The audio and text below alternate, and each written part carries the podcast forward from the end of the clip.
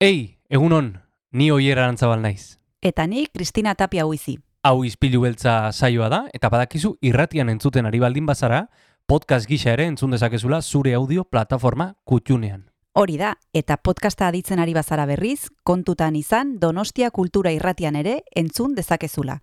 FM eundazazpi puntu lau frekuentzian. Sare sozialetan ere topatuko gaituzu noski, izpilu beltza bilatuta, Instagram, Facebook eta Twitterren. Besterik gabe, guazen gaurko saioarekin. Az gaitezen,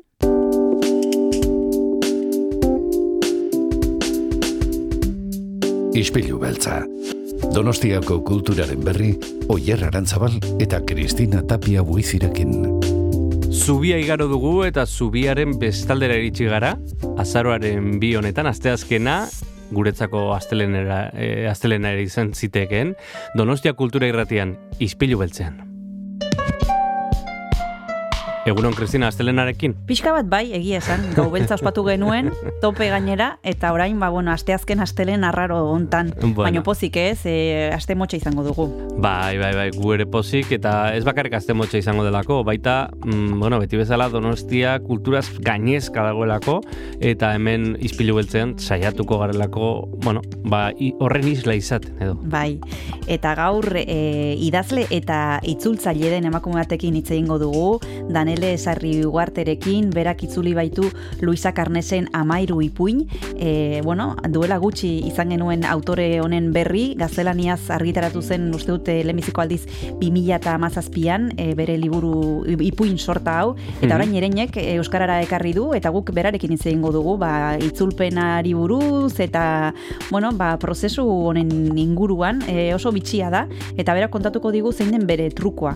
Eta da, e, bueno, ez dizut kontatuko. Sorpresa. kontatuko. Sorpresa, hori da, hobe, hobe. Bueno, gaur orduan Danele Sarri ugarte izango dugu izpilu beltzean, eta nola ez, tartean tartean, Jon Gartziaren musika, berarekin hasiko gara. Hori da, Jon Gartziaren baimenarekin, guazen gaurko izpilu beltzarekin. Guazen.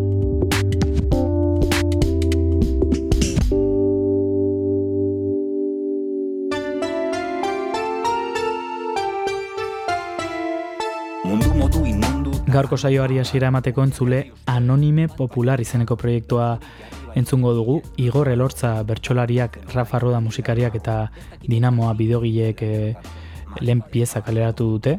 Mundu modu inmundu izeneko abestia eta horrekin hasiko dugu gaurko saioa. Eguno. bat eman nuen behin kantari Ezer ez esateko amabos milari Itzak hiltzen, jendetzan eukanean adi Guk ezkenion horri deitzen bertsolari Boltzan estamai eta etxean pentsakor Hankabat hemen eukan, beste hankabat hor.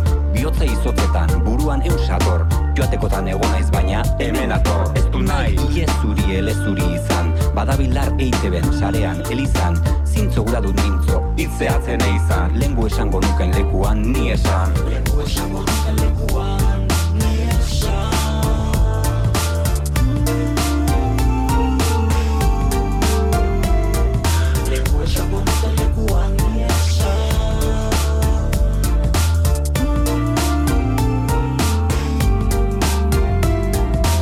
Agian, zeuri ere gertatuko zaizu. Eroiak edo oiak zen euskala maizu Gauza txikien kausa, ez zaizula aizu. Oraingoan ni niti jardungo natzaizu. Ez du nahi neure utxi mozorrotu taldez. Ez neure zomorroan bilatzerik babez Zeuk esango didazu nireak esanez Zuri buruz kantari nabilen ala ez. Norbere buru pintza da, egungo gerra Zelmeida automokoa, koatxak, twitterra. Beharrezko bide da gaurko urruerra Berriz bila dezagun elkarren ederra. Herriaren garaian banakoen alde Herritarren aroan jendearen galde. Alde batetik egin gura dugu talde Ondoren bestaldetik egiteko alde. Hemen gatoz beraz ni neutan eroni Multitudea esan alzaio honi Da iruko txarra moldatzeko ongi Lagun bakarraren zat kontrario ongi. Lagun bakarraren zat kontrario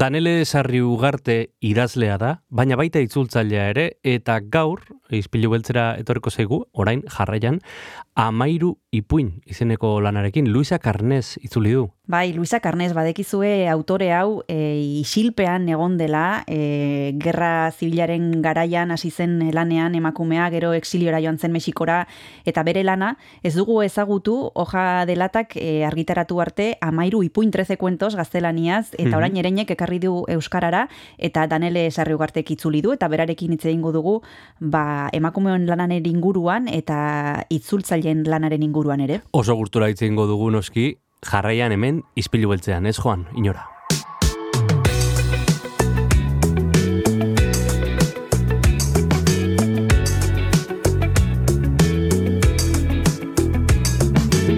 Bada morroi bat argni esnatuta nik jaikitzen dudana. Eguneroko bizitzarako erabilgarri zaidana. Logureak erantzi beta aurrekoak jantzi Eta boala, jentelmana, aldi berean simpatia eta errukia dio da.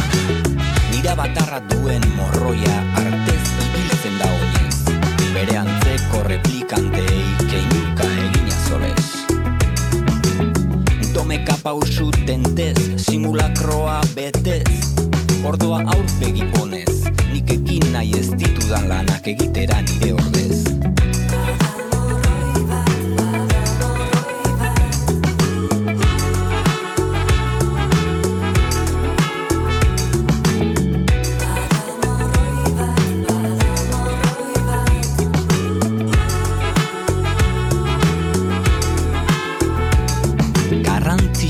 Dauzka itxura harremanak izen ona. Beste laiken eta txaloen bila bizi da gizona. Traoleraz da jergaz autotunel dun berbaz. Orainara orain ona ta gero niri leporatzen dit txarto irteten zaiona.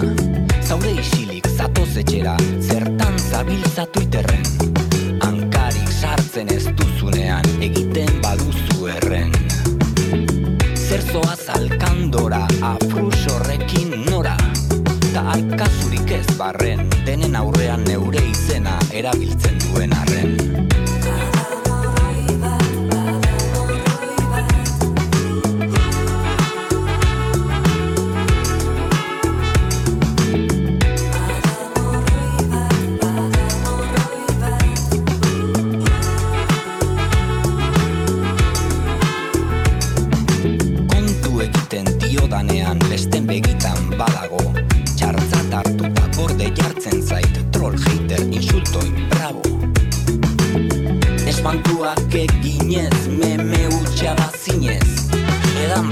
lau trago Tazken bolada nahikoa ditu bat bi hiru gutxiago. Nire moduko asko zaudete eta beralako fake bana. Orain harritu plantari jotzen ez etorri nire gana zeuena da aizue, maitatu ezazue, ez da ezin eramana, ta zeuek euki dezazuela plagioak ez daukana.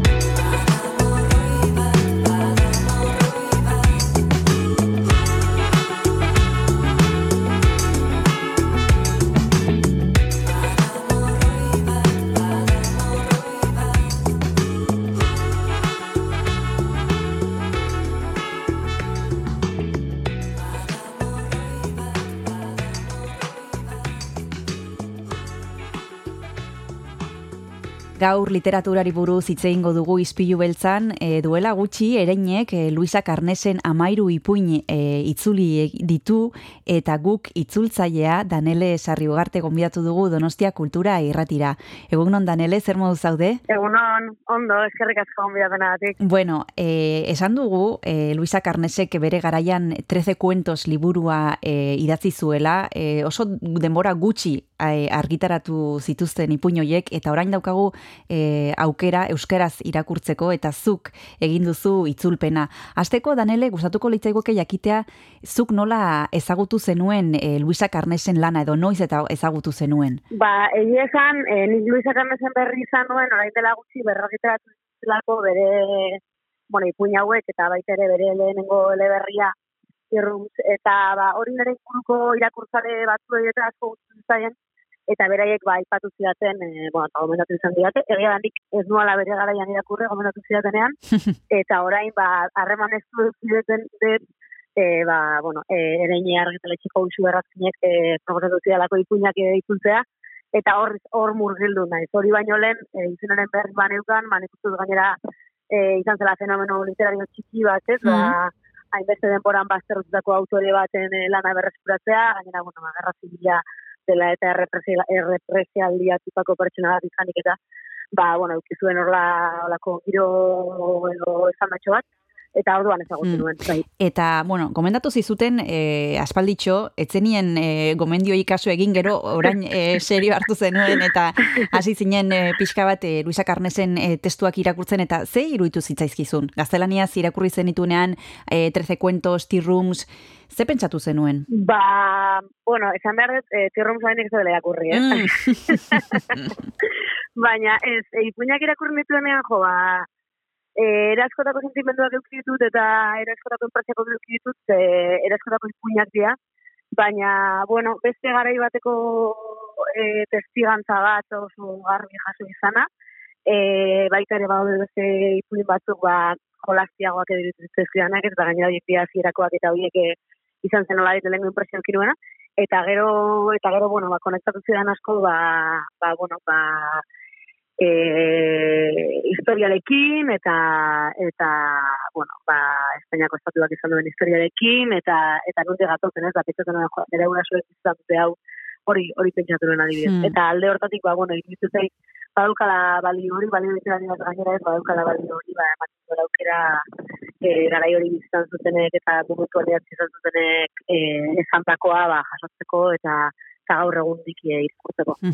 Zuk aipatu duzu danele emakume hau e, baztert, bueno, bere testuak baztertuak izan zirla urte asko, ze esan behar dugu duela urte batzuk arte, etzela idazle honen e, lana ezagutzen, 2008an hoja delatak argitaratu zituen ipuina hauek, eta gero etorri dira, bueno, beste batzuk, e, eta orain hasiko gara itzulpenari buruz hitz egiten, eh? baina kasualidadea da emakume baten lana e, orain arte ezagutu ez izana, e, gizon bati berdina gertatuko litzaioke? E, nik uste dut dela kasualidadea, nik uste dut hor bere kasuan ba asko pitzatzen duela e, emakume izan zela, baita ere langile klasiko emakume bat izan zela, eta baita ere, ba, bueno, ba, e, franko, franko den erregenaren kontrakoa, ez.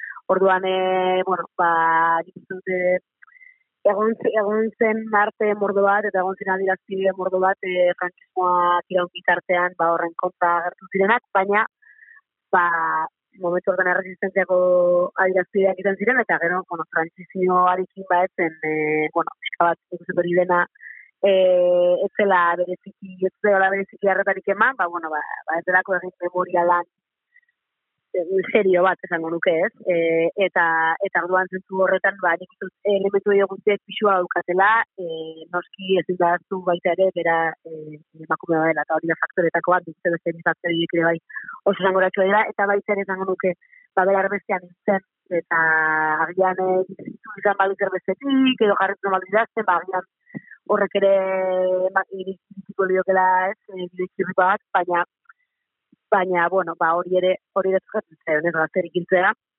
eta, eta bere jaioterritik oso, oso urruti. Orduan, nik uste dut, bai, e, faktori guztiek eragina izan dutela, e, ba, bere obra, zait baztertua, ahaztua, bueno, bai, ez dela, ez dela, Baina, nire berrezko batu da, eta hori den pozgarria dela, eta badela zerbaiten e, seinale. Bai, orain zorionez e, errekuperatu egin dugu bere lana, eta zuri tokatu zaizu, e, ba, amairu ipuin oiek e, euskaratzea. E, prozesua zein izaten da, e, zu itzultzailea zara, eta, bueno, e, ezakit, nondik asten zareten, zer egiten duzuelen biziko, pentsatzen, onoski lana irakurri, baino gero, ezakit zein den e, zuen lan egiteko modua. Ba, begira, kontatuko izun sekretu bat. E, batzuetan, ez, batzuetan ez dugu irakurtzen obra hasi horretik. Hala. E, hor korrontea daude, korronteak daude. E, badagun batzuk nahi izan dute irakurri alde aurretik eta dena presa eduki eta eta igual dokumentazio lan asko den aurretik. Uh -huh. Eta bade bere beste zuzai batzuk da, neri hau e, bere garaiako nabarrok esan zidan, eta orduan horregatik sentitzen duen nire burua baita ere e, zilia edo. Ba, bueno, batzuetan ez badut irakurri e, obra alde aurretik, itzuzoaz irakurne bezala ere bai Hmm. obra deskubritzen. Eta Hmm. horrek nola ditreko jakin min bat edo mantentzen du. Eta aldiz, ja irakurreta baldin badaukazu, ba, segunda ze liburu, eh, edo segunda ze ipuin, kasu honetan nahi beti ipuinak zirenez, nik batzuk bai irakurren dituen itzule aurretik, eta beste batzuk ez. Baina noveletan adibidez, ba, batzuetan ondo datorkizu, ze horrela motivazio horri edo e, eusten dira, edo agian aspaldi irakurreta daukatzen liburu baldin bada, pues ez dut irakurtzen, eta zean izan da, da, ia irakurreko dut e, begiekin. Gero gainera gaztelaniatik zenez, ba, bueno, ba, ondo ezagutzen duten hizkuntza bada, inglesetik ere bai, e, zure indizteko laguntza behar, agian frantzisetik bai begiratzen testuak gehiago, ba, pixka bat laguntza gehiago behar izan dudalako. Baina hori, eta gero ba, kontua da, niretzako e, gauza onuragarrienetako, goizerik onuragarrienetako bat zituen baterako da, e, bueno, beste pertsona batek zentzea, alegia gotea gero beste lau berrezare edo e, begiratzen duten aksestua, eta baita ere denbora edukitzea e, bukatu dutunetik zentzera. Ze bestela testuritik, e, jatorrezko testutik gertu egi baldin bazaude, ba, bueno, ba, gauza batzuk ulertzen dituzu, edo zaizu ez direla ambiguak, zuk badak ez dako jatorrezkoan, ze jatorrezkoak zer dioen, eh? Eta aldiz, ba, bueno, denbora bizkatu zen baldin baduzu, urrutiago zaude, eta zuk zeuk zure burua edo zure lanak zentzeko, ba, e, hobeto egin dezakezu urrutiago zaudelako, eta orduan ja ez dalako hain zuitzuli zinen, zuitzuli zuen atestu hori, baizik eta beste zerbait. Orduan hori izan, hori izan da prozesua, itzul, ipuinak itzultzen joan, e, bidali, bidali nizkion usu alberdiri babera karrezen zalea zelako eta gomendatu zian horietako bat, bera behiatu zuen, eta gero e, e, editorialan ere bai e, zendu dute, eta hori izan da pixka bat e, Hmm. bidea, eta, bueno, eta Mhm. pinpon bola bat bezala ez, ez du aurrera zera itzuli bai. Bueno, oraintxe bertan jarraituko dugu itzulpen honen inguruan hitz egiten, amairu ipuin e, liburua e, itzuli du Danele Sarriugartek esan bezala, e, baina tarte bat hartu behar dugu deskantsu bat eta horretarako gonbidatuei abesti bat eskatzen diegu entzulekin partekatzeko. Danele, ze ari zara entzuten azken aldi hontan edo ze gustatzen zaizu? Begira, baren dela gutxi, gomendatzen kantu bat burutik eh, kendu ezin da nabiela, eta dizuna mala suerte, eta e, gila da e, Romero Martin dela e, flamenko elektronikoa egiten duen bikote bat, eta kantu hau egiten dute Hermanos Muñoz izeneko batzuekin e, elkarlanean. Orduan hori, mala suerte ezin zuten e, gelditu gabe. Ederki, ba, guazen gu ere entzutera.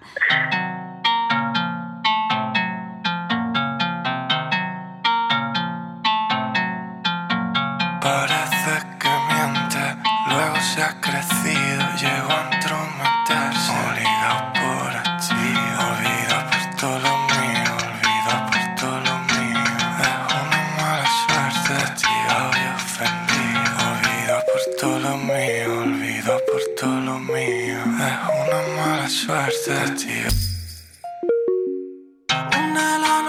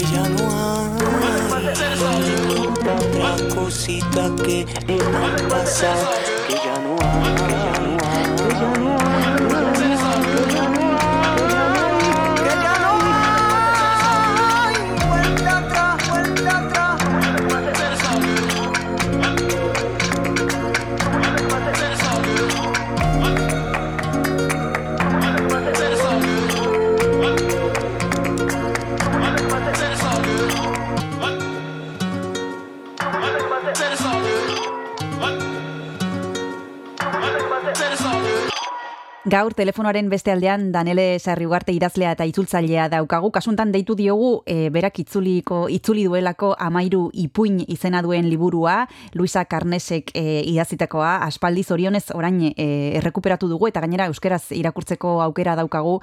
Esplikatu duzu Danele zein izan den itzultzeko prozesua edo zein den zuk e, lan egiteko daukazun modua. Egonda e, kasu hontan e, zerbait e, zaila edo koropiloren bat kostatu zaizuna askatzen edo ez dakit bidean mm, bueno, ba, erronkaren bat edo ez dakit. Bai, egon dira erronka bat baino gehiago, esango nuke e, pixka bat e, erregistroarekin eta garaia eta lekua islatzearekin lotuta, ba, bueno, nahi genuen, ikusten genuen, ezin zela izan e, testu lau bat, eta, bueno, ba, agertzen da oso nekazal ingurua agertzen da batzuetan, e, e, leku geografikoak ere aldatu egiten dira, ez, momentu baten Mexikon daude, beste momentu baten Madrilen daude, eta eta hori hizkuntzan, eh idazleak darabilen hizkuntzan eh nabaritu egiten da, erabiltzen ditu ezberdinak batean da bestean, erabiltzen ditu, bueno, erabiltzen ditu baita ere garai bateko, ez, berak inatu zuen garai horretako eh ohikoak ziren esapideak, eta bueno, hori dana pizka bat saiatu gara hori on lantzen, ez? Ez da izan, igual de batzuetan dituzten arazoen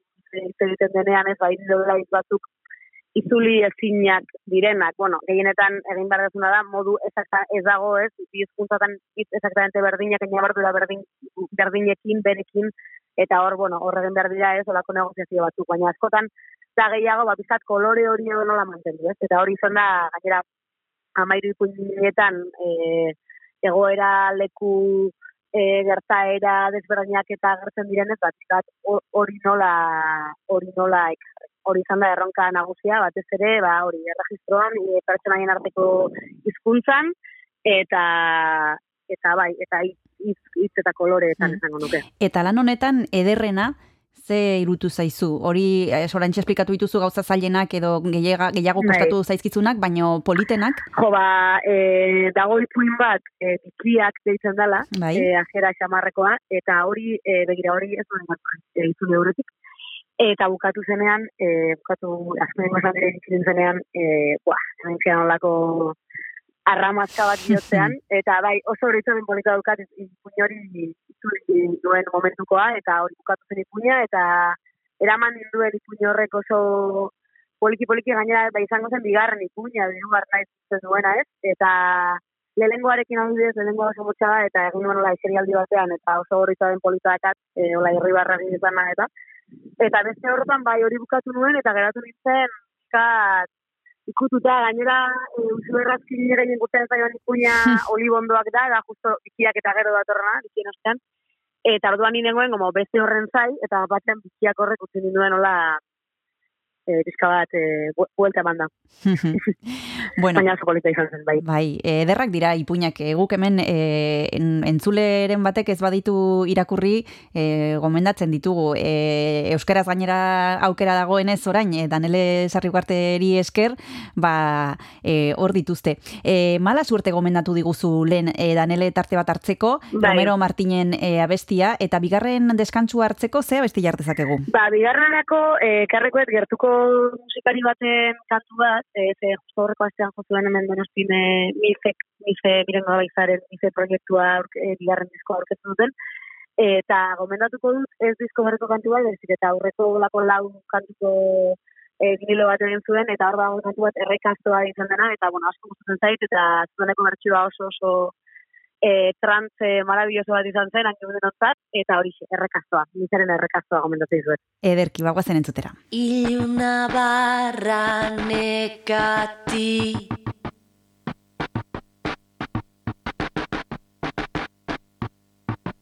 Itzalez margotu begibi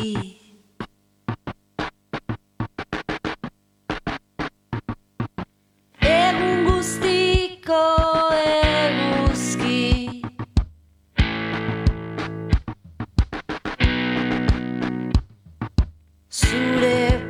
pela zigaro koloanik Eta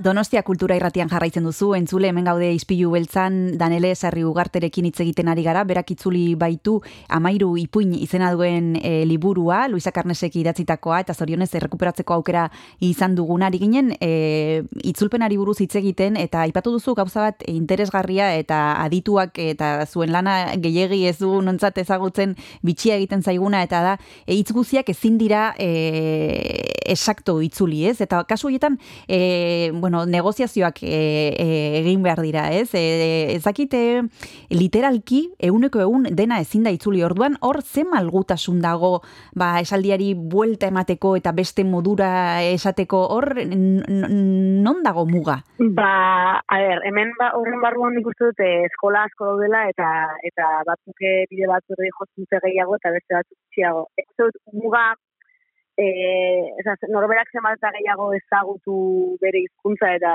eta zenbat eta ganbara betiago duki eta giarrak eh, elastikoago ba gauza gehiago egin daitezke eta eta okurritzen ez ezkizun ideia batzuk ba beste norbait igual okurritu litzaioke beste modu baten egitea. Ez nik uste dut eh bat, e, deneti dago, daude zaldi batzuk, ni adibidez ez erosten ditzen nahi, zaldi dutetan, eta relatibo handietan, eta jendari hori adibidez e, gehiago gustatzen zaio, eta neri hori bezu gustatzen zait. Asko lan gehi handiago dukitza ditut oso esaldi simpleak emateko ondo esan dezagun, ez? E, simpleak diruditenak lehen dere kolpean simpleak dirudite eta gero bat ez dagoen. Hemen badago, hemen izulako eta ordena batean jarreta dago zerbait egatik. Bezu hori lantzea hortarako e, e, bueno, esango nuke gaitasun gutxiago daukadala. Baina, bueno, hor e, beti nik uste duten oksaiatzen gerala ordenaren e, euskararen e, eraikuntza morfosintaktikoa ere bai kontuan hartuta zelakoan eta askotan izintzen dugu latina latinarek letoko izkuntzatik edo erkatiboak erretzen dituzten ere izkuntzatik. Ba, bueno, hor gauza asko begiratu behar ezan ditugu, ez? Eta nik uste dut horre, ba, hau dela ez terminoi lotutako zalantzak eta hori azkenean da gehiago, ba, begiratzen ditugu, aukeradako portu ditu, ez dakizen egin ez duzu beste batekin, nire espala aukera duzkazu, eta, bueno, aukeratzen duzu, egokiena iruditzen daizuna, positiboa baldin bazara egokiena, eta e, ez baldin bazara impresuna positiboa, pues izango zen duke, gazteren ezaren den moduan, lamen ez mala, eh? Horra, bueno, hau da, konforme edo geratzen nahi zena. Eta gero esaldiekin, ba, bai egiten duguna asko da, bai jarri, aurrera, atzera, aldatu, ordena, eta eta joan ikusten, baina oso testu hain da berakoa izten da, ez? Ba, nik uste dut horren hau literatura buruzari garela, edo testu landuen kasuan, gero ba, ba, beste mota bateko testu asko, helburua komunikazioa da, helburua da testu hori argi e, ez, jakinarazten batean adibidez, e, portalean jakinarazten badago eta egazten ez euskeraz dago, edo gantien ez euskeraz, ba, bueno, helburua da, izultzea eta aliketa lehen kolpean izulergarri esatea, orduan kasu hortan, ba, beste gizte batu daude. Baina nola baiteko asmo estetiko batekin egin dauden testuetan, ba, bueno, ba, saiatu, oso gauza lauzoa dirudiena, baina idazlearen ahotxean edo sartzen edo tonuan, eh, sortzen duen tonu hortan sartzen, eta arduan ba, batzuetan e, ba, horren arabera ere bai hartzen dira erabakiak. E, olako gauzak nik askoz gehiago begiratzen ditut zuzenketan. Zultzen ari nahi zenean, e, sartzen nahi zizka bat, eta bezan dut ola idatzi lehengo e, burura etortzen zaidan, o lehengo aukera iruditzen zaidana, eta gero, ba, ba, zuzenketetan, eta batzuk eta batzuk eta beste kezaren dizten horrena bera, bat izka bat gehiago zindu, edo, bueno, ba, oso gauz bereziak daudenean, ba, gehiago landu. Baina bai, negoziazio horretan, ba, eraskotako historiak egiratu, apuntatu baita ere beste bat, ari, ari irakurri nion, agitura bat erabilizuela hau izuzeko, pues, igual, hemen agotizun daiteke, bueno, horrelako, mm. horrela gabiltza. Agian, e, zailena bai. izan daiteke, e, Danele, tonu hori e, aurkitzea, ze hori e, ez, da, ez da ikusten, baina hor dago, eta e, agian bai. ez dakite hori izan daiteken, bueno, zaila edo... Bai, hori zaila da, eta nik uste dut gainera, e, dela, bai, oso elementu importante bat, ez? Azkenean, e, lortzen baldin badezu nola daiteko arnaz hori, ez, ediorn arnaz hori harrapatzea edo nola daiteko euskeraz ematea gure kasu euskeraz, e, nik uste horrek asko egiten duela. Eta gero aldiz duela esan, jo, ba, esaldi honetan hau urrela edo, baina e, gogoratzen ez ediz, idoia Santa Mariak e, austerli zituli zuenean, elkarrezota bat egin nion argiarako, eta esaten zian, lehenko egun horriak edo nezituenean, bializiela e, lagun batzuei justu ere ikusteko ea harrapatu gote zuen kadentzia hori, ez? E, bestela, klaro, hor daukazu kasu hortan, lauren horreko liburu bat oso berezia, eta ez baldin baduzu horrekin asmatzen, Zegero, zalantza etimologikoak hau horrela dago ez, legaztatzen horrela ez, hau beste modu batera esan behar da, hori guztia gero badago denboratik iratzeko, ez? Baina, baina bai, kadentzia hori harrapatzea, batez ere, bueno, testu guztiek daukate ritmo hori, ez? Niretzako literatura oso lotua dago baitere egon daiteke musikarekin, ez? Eta testuak sortzen duen e, ritmo horrekin. Orduan, batzuan izango da oso moztua, beste batzuan izango da oso oso pauso, e, geldoa, beste batzuetan oso azkarroan, baina, bueno, denek dute berena, eta hori harrapatzea, ba, bai, zeutu oso, ondo, bueno, oso e, komentario e, aproposa zait bai dela gartitxua elementu hori. Bai. Eta, mm, bueno, zuk daukazu gaitasuna e, hainbat hizkuntzatan irakurtzeko, eta nik ezakit e, nahiago duzun e, jatorrian e, iatzita dagoen liburu bat e, irakurri, edo itzulpena irakurria deformazio profesional e, horrekin e, e, fijatzeko nola egin duen e, itzultzaile batek, edo zer nahiago duzu? Ba, itzulpenak irakurtzea pila gustatzen zait, e, itzultzaile batzu gainera bai asitzen dut dauzkazu eta beti beren gauzak irakurtzea. Eta gero autore batzuen arabera, autore batzu gustatzen zait baitere bereien jatorrizkoa irakurtzea, beste kasu batzuetan ez daude itzulita eta arduan ez denean irakurri berri dute e, jatorrizkoan. Baina ere e, lekuaren arabera, e, edo, edo momentu den arabera, nekatutan nagoenean, banai hau irakurtzea niretzat oso e, errez menderatu ditudan edo izkuntzetan, eta eta ba bueno ba e, pixka bat ez nago nagoenean ba, igual irakurri dezaket gehiago beste beste hizkuntza batzuetan baina badago ere bai gauza bat de neri gutzen zaidana irakurtzezunean beste hizkuntza batean liburu bat edo pelikula bat ikustezunean baita ere gauza batzuk ez dituzu guztiz ulertzen eta batzuetan den den dena ez ulertze hori edo Hmm. Batzutan nire gustatzen zait. Hmm. Zatea, uste da idala esate baina zakit oso ondo, ba, hmm. bueno ba aurrera, ez? Hori ere horrek ere baduka, bere, baduka mm, mm. Eta, bueno, e, hasieran esan dugu, e, Danele, zu itzultzailea zera, baina e, baita idazlea ere.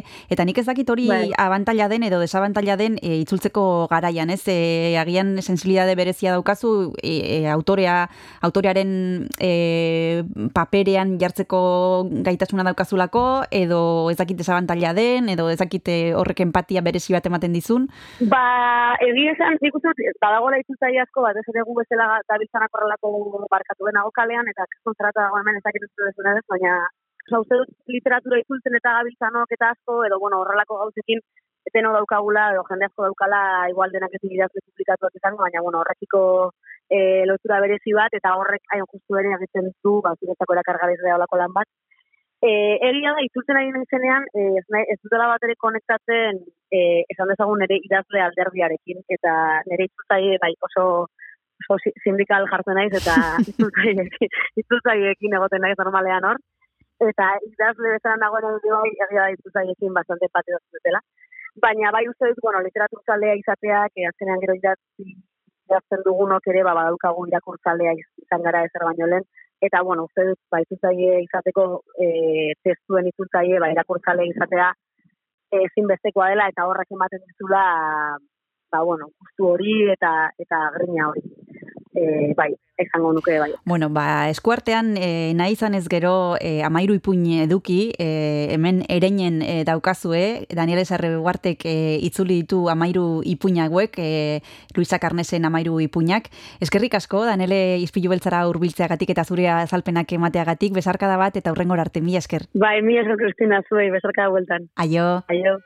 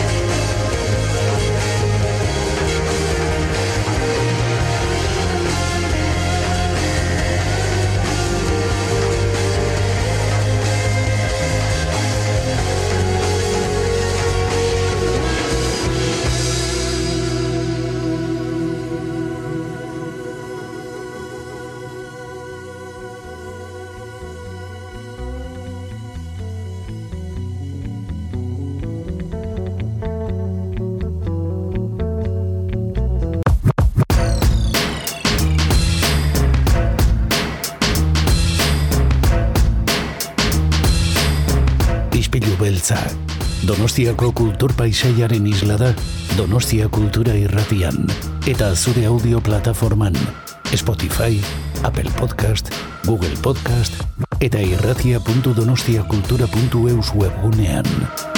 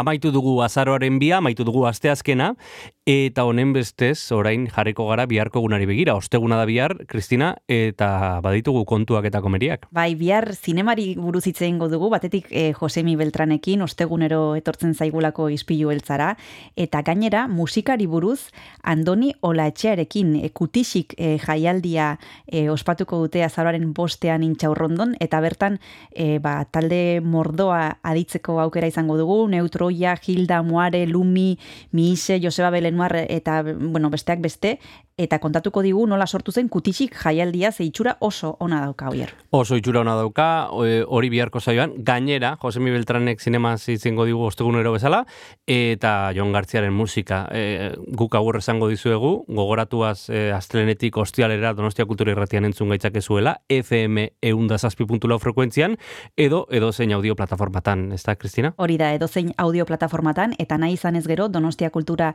Irratiko webgunean ere bai. Besterik gabe, e, bihar arte entzule. Bihar arte, agur agur. Agur.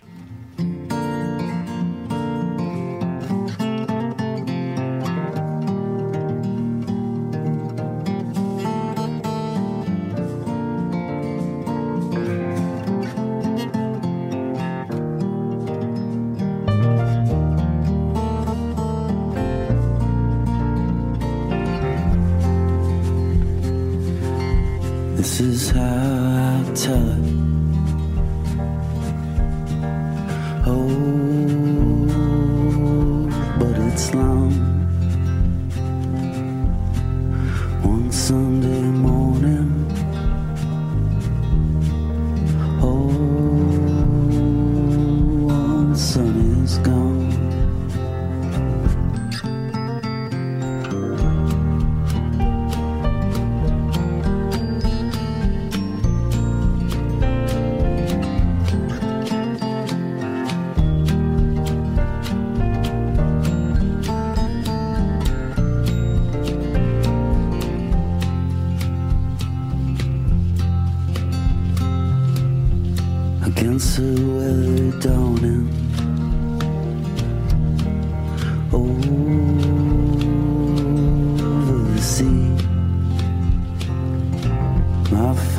Said what I had become.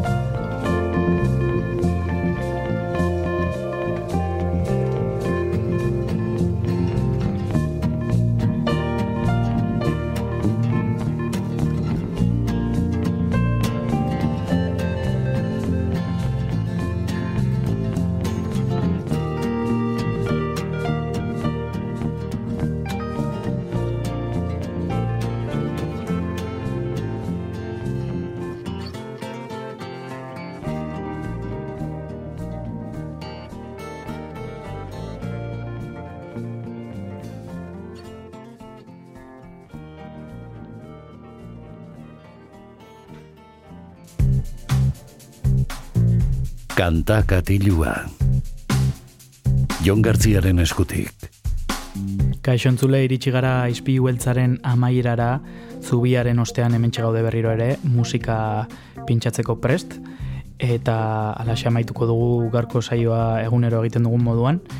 Garkoan Red Hot Chili Peppersen disko berria entzungo dugu, disko berriaren zati bat hain zuzen ere, e, aurten atera duten bigarren diskoa da, e, zaleek e, zuten espero hain goiz e, entzuterik e, ba, disko berri bat, izan ere duela gutxi bueltatu ziren e, formazio klasikora, John Frusciante gitarra jolearekin, eta aurten atera zuten aurreko diskoa, Unlimited Love izeneko diskoa, baina duela gutxi iragarri zuten beste disko bat aterako zutela urrian, eta hause dugu emaitza, Return of the Dream Canteen izena du, eta gaurkoan zati bat entzungo dugu izan ere ba, aurreko diskoa bezala luzea da e, lan hau, e, nabaritzen da lan egin dutela e, estatu batu errek, eta alaxe hasten da, guazen entzutera besterik gabe, hau da, tipa maiton abestia.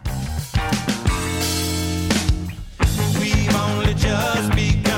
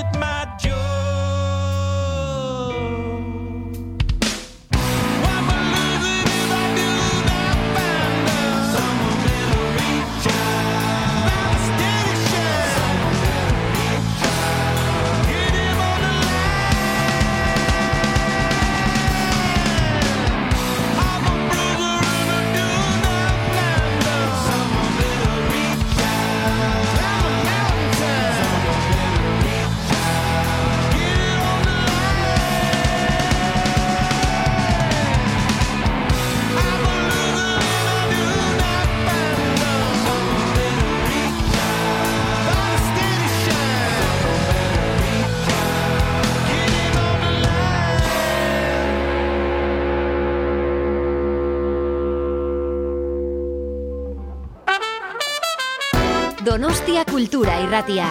Eun eta zazpi puntu lau.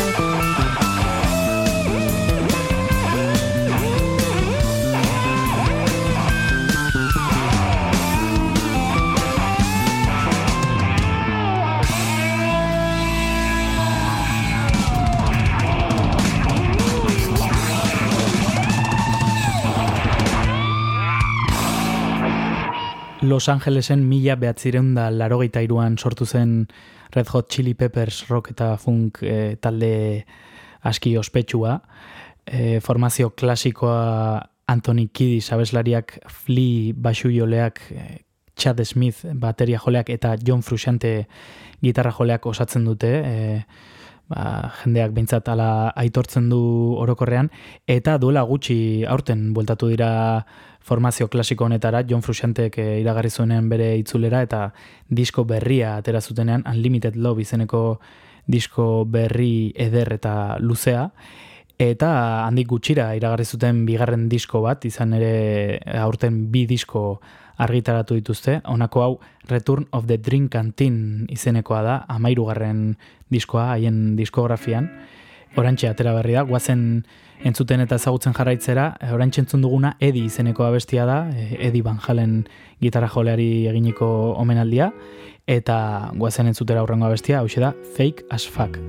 Listening to the great beyond, well, misdirection waves its magic wand. Everybody sing that song.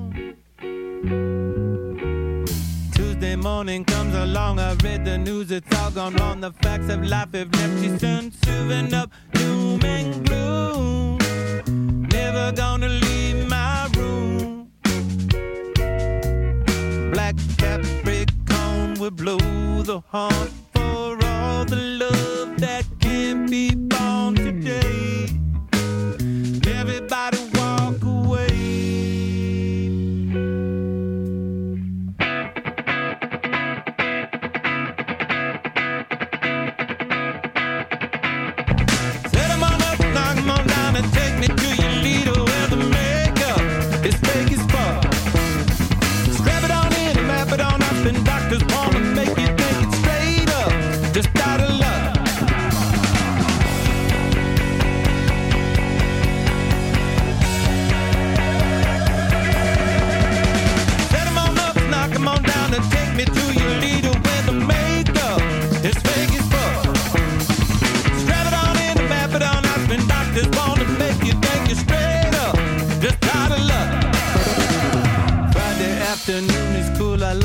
faith in Sunday school. Deliver me from Liverpool. I feel just like an April fool.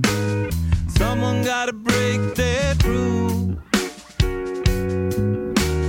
Sticking to the script, we built another sinking ship. She's so alone, never gonna leave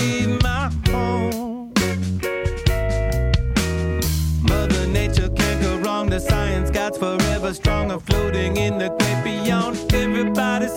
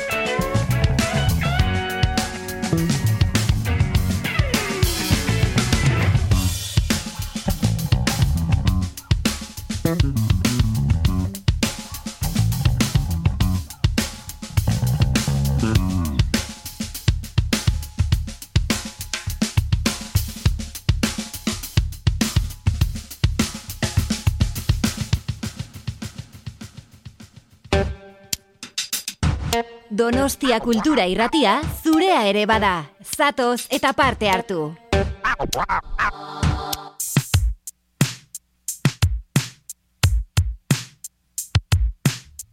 My, my, my, my, my, my, my, my cigarette. My, my, my, my, my, my, my, my cigarette. One minute, please. My, my, my, my, my, my, my, my cigarette. Sip from this glass of ours. We pass like faulty towers. My sweetness, it's not weakness. Black holes wink, but she devours. My, my, my, my, my, my, my, my cigarette. My, my, my, my, my, my, my, my cigarette. Greek to me, I don't speak Latin. Island calling must be statin. Nat King Cole and Dick Van Patten. New York dolls all dressed in satin. My, my, my, my, my, my, my, my cigarette. My, my, my, my, my, my, my, my cigarette. Just one possession in the life that we get.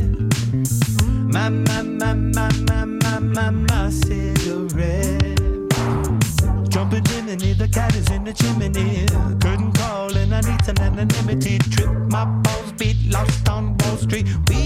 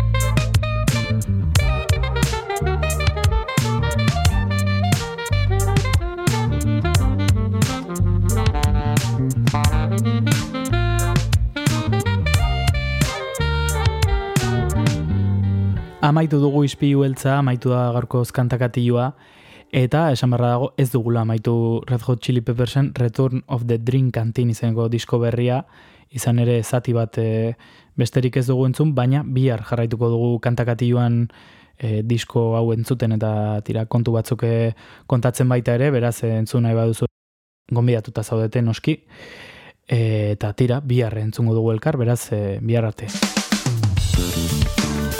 ha ha ha ha ha